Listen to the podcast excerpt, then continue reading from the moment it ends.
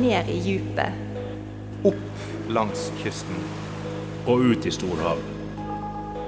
Havpodden, en HI-podkast. Her er NRK Dagsnytt klokka 21. 13 200 tonn laks har dødd etter oppblomstringa av alger de siste par ukene. Det tilsvarer rundt 7,7 millioner fisk. I mai 2019 begynner plutselig laksen å dø i flere oppdrettsanlegg i Nord-Norge. Mer enn 13 000 tonn laks har dødd som en følge av oppblomstringen.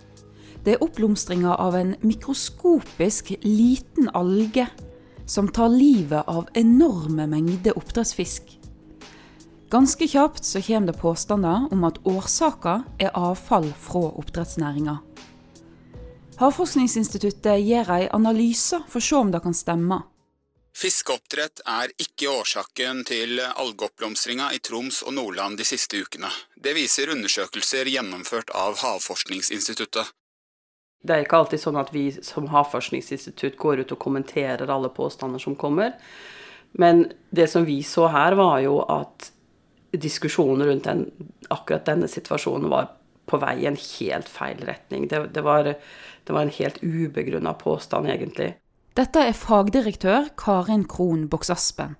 Som forsker så har jeg bakgrunn fra akvakultur. Jeg har jobba med nye marine arter, eh, kveite i en liten periode. Men hovedsakelig så er, er, er jeg lakselusekspert.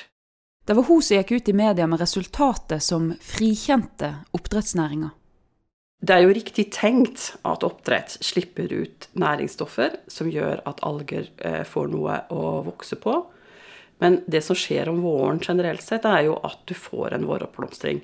Det har vært mørkt, det har vært kaldt. Eh, vannet har vært omrørt, sånn at det er forholdsvis næringsrikt. Og så kommer sola, og så bare sier det nesten pang. Jeg antar det ikke sier pang, men i hvert fall så kommer det ekstremt mye oppblomstring i sjøen. Og mange steder så kan man se det ved denne her litt sånn turkise fargen i sjøen. Det, det er en kalkalge som heter emiliana. Den er veldig vanlig, i hvert fall på Vestlandet. Så du vil få oppblomstringer om våren. Det vi vet veldig lite om, er jo hvilke forhold som skal til for at den ene eller andre algen blomstrer opp. For det, er jo faktisk 20 år siden forrige gang vi hadde en sånn situasjon med en giftig alge. Så det er ikke ukjent, men det er ikke veldig vanlig i Norge. Sånn at vi har hatt oppdrett i alle disse 20 årene, og denne algen har da ikke blomstra opp på den samme mengden utslipp egentlig som vi ser i dag. Sånn at årsakssammenhengen med at det i denne spesifikke situasjonen var oppdretterne sin skyld, var veldig avsporende, førte vi da eh, kunnskapsmessig. Umiddelbart kom kritikken. Havforskerne leverer bestillingsverk, de er korrupte, forskninga er kjøpt og betalt. Det var jo ikke uventa, fordi vi blir jo Når folk ikke liker den kunnskapen vi kommer med, så, så vil det ofte være noe man tyr til å si at vi er korrupte. Jeg, syns jo retorikken rundt å si at vi er Altså når vi sier at vi er kjøpt og betalt, så mener jo vi sjøl at vi kan bevise at så ikke er tilfellet. Men det å få det over til, til mannen i gata er ikke så lett. Men det er ikke første gang at Karin og kollegaene som forsker på oppdrett, får harde beskyldninger mot seg. Nei, det blir vi, vi, har jo også blitt beskyldt for å være oppdrettsfiendtlige. Også da noen ganger så tipper det mot oppdrettsvennlige. Havforskningsinstituttet generelt, som, som gir råd rundt f.eks. høsting av ressursene i havet. Hvis kvotene går opp, så er alle fornøyde. Hvis kvotene går ned, så er de ikke fornøyde. Sånn at det, det, det, vil jo alltid være noen som ikke er fornøyd. Nei, for Har du fått noe betaling fra noen oppdrettsselskap for ting du har sagt? Nei, det har jeg ikke. Og det som også var veldig eh, i fokus en periode, var om, om vi som jobba innafor problemstillingen på akvakultur, hadde aksjer i oppdrettsanlegg. Det har jeg heller ikke. Sånn at eh, vi må jo faktisk, hvis vi skulle ha, ha, eid noe, må jo det meldes inn og vurderes om det er forenlig med den jobben vi skal gjøre. Debatten om oppdrettsnæringa engasjerer mange rundt om i Norge. Ofte er diskusjonen høglytt og med steile fronter. Duetten kan være ganske heftig. Eh, det som er vårt problem, er jo når, når han blir veldig usaklig, og vi prøver å, å komme med fag og komme med fag. Eh, og så er det da noen der ute som er så eh, opptatt av dette og har et veldig bestemt syn på hva som er årsakssammenhengen. Og da hjelper det ikke at vi kommer med mer fag. Så, så vi, da, da, er vi på en måte satt utenfor. Da må de bare holde på med det. Hva er greia med oppdrett? Hvorfor engasjerer det så veldig her i Norge? Det er, det er, det er vanskelig å si, fordi når man, når man driver med, med, med, med, produksjon av mat, så kommer det til å bli et fotavtrykk. Det, det, kommer til å være et fotavtrykk, sånn at jeg sier av og til at f.eks. Med, med oppdrett i sjø, så er det et lite område rundt dette oppdrettet som må ses på som en åker. Eh, på land så har du hveteåkre. Eh, hvis du har tatt en skog og gjort den om til en hveteåker, så går du ikke der og plukker blåbær. Sånn at eh, når du har gitt tillatelse til et oppdrettsanlegg, så vil du rundt det oppdrettsanlegget ha en åker, og det vil på en måte si at under dette oppdrettsanlegget så vil det samle seg organisk materiale. Eh, du vil få vekst kanskje av de tingene som liker det best. Børste blir jo veldig mye børstemark under oppdrettsanlegg, men det blir ikke alle andre ting. Det er f.eks. ikke svamp der, eller korall. Sånn at jeg tror nok folk har fått med seg at det er noe som blir tatt vekk. Eh, og for noen så tenker man kanskje at vi, skal ikke røre havet. Eh, og da, da, får man sånne fronter. Det, det er jo i hvert fall én teori. Eh, men så er det jo sånn Det kommer påstander fra begge sider, sånn, men noen mener jo da at, en, at havforskning er kjøpt og betalt og altfor vennlige mot oppdretterne. Og så er det jo sånn, En del av forskningen til dette instituttet er finansiert, er betalt av næringa. Hvordan kan det da si at dere er uavhengige og ikke er kjøpt og betalt? Det er et veldig godt spørsmål, og da er det veldig viktig å se på hvordan den pengestrømmen går. Fordi det er to store eh, vi, som vi kan kalle kommersielle kilder. Og det ene er det vi kaller FHF, Fiskeri- og havbruksforenings forskningsfond. Der betales det inn penger for forskning. Og da er det sånn at alle i Norge kan, eller institutter i Norge søker eller diskuterer med det vi kaller FHF, om prosjekter. Eh, hvis vi skulle få et sånt prosjekt, så får, jo, får, vi jo de midlene på gjerne sammen med andre og med veldig klare kriterier for hva som skal undersøkes. Og det som er veldig viktig med det, er at det er veldig klart eh, at alle data og kunnskap som kommer ut, skal være åpent tilgjengelig for alle, og da potensielt alle selvfølgelig kommersielle. Og at uh, vi sammen skal publisere dataene. Sånn at uh, rammeverket rundt prosjektene er veldig viktig for å, at du kan hente fram den og si sånn er det. Vi skal publisere, vi skal gjøre akkurat dette, og, og, og så skal vi legge det fram. Og da kan jo noen i verste fall si det, det, verste du kan si til en forsker, er jo at de har tukla med dataene.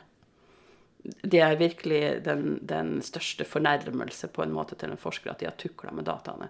For det har vi jo sett i andre situasjoner fra universitetene, at folk kan faktisk bli avslørt på det at de har gjort det tull. Og da er det jo veldig viktig for en, for en institutt som Havforskningsinstituttet og alle andre institutter at forskerne skriver sammen alt sammen og eh, publiserer det eh, internasjonalt. Og da vil jo man også ha en prosess hvor andre forskere ser på dette, ser på metodene som er brukt, ser på hvordan vi har analysert dataene, og hva slags konklusjoner man har kommet til. Og det vil du da si Av og til så får du tilbakemelding om at du har ikke brukt riktig statistikk, du må jo analysere dataene annerledes. Eh, vi syns du drar konklusjonene for langt i forhold til de dataene du har. Eh, så hele den prosessen med å kvalitetssikre det som kommer ut på en åpen måte, er jo da veldig viktig. Ja, og da var den ene kommersielle kilden. Hva er den andre? Eh, Havforskningsinstituttet får også noe som heter fiskeriforskningsavgiftmidler. Og da er det jo viktig å ta inn over seg at det er fiske, altså Nærings- og fiskeridepartementet som gir eller bevilger oss de pengene de kommer fra næringen, men det er departementet som gir dem til oss under helt klare forutsetninger om hva de skal brukes til. Sånn at når man går ut og skal gjøre undersøkelser ute i havet på, på bestandene, så kommer en del av finansieringen fra det vi kaller FFA, eller fiskeriforskningsavgiften.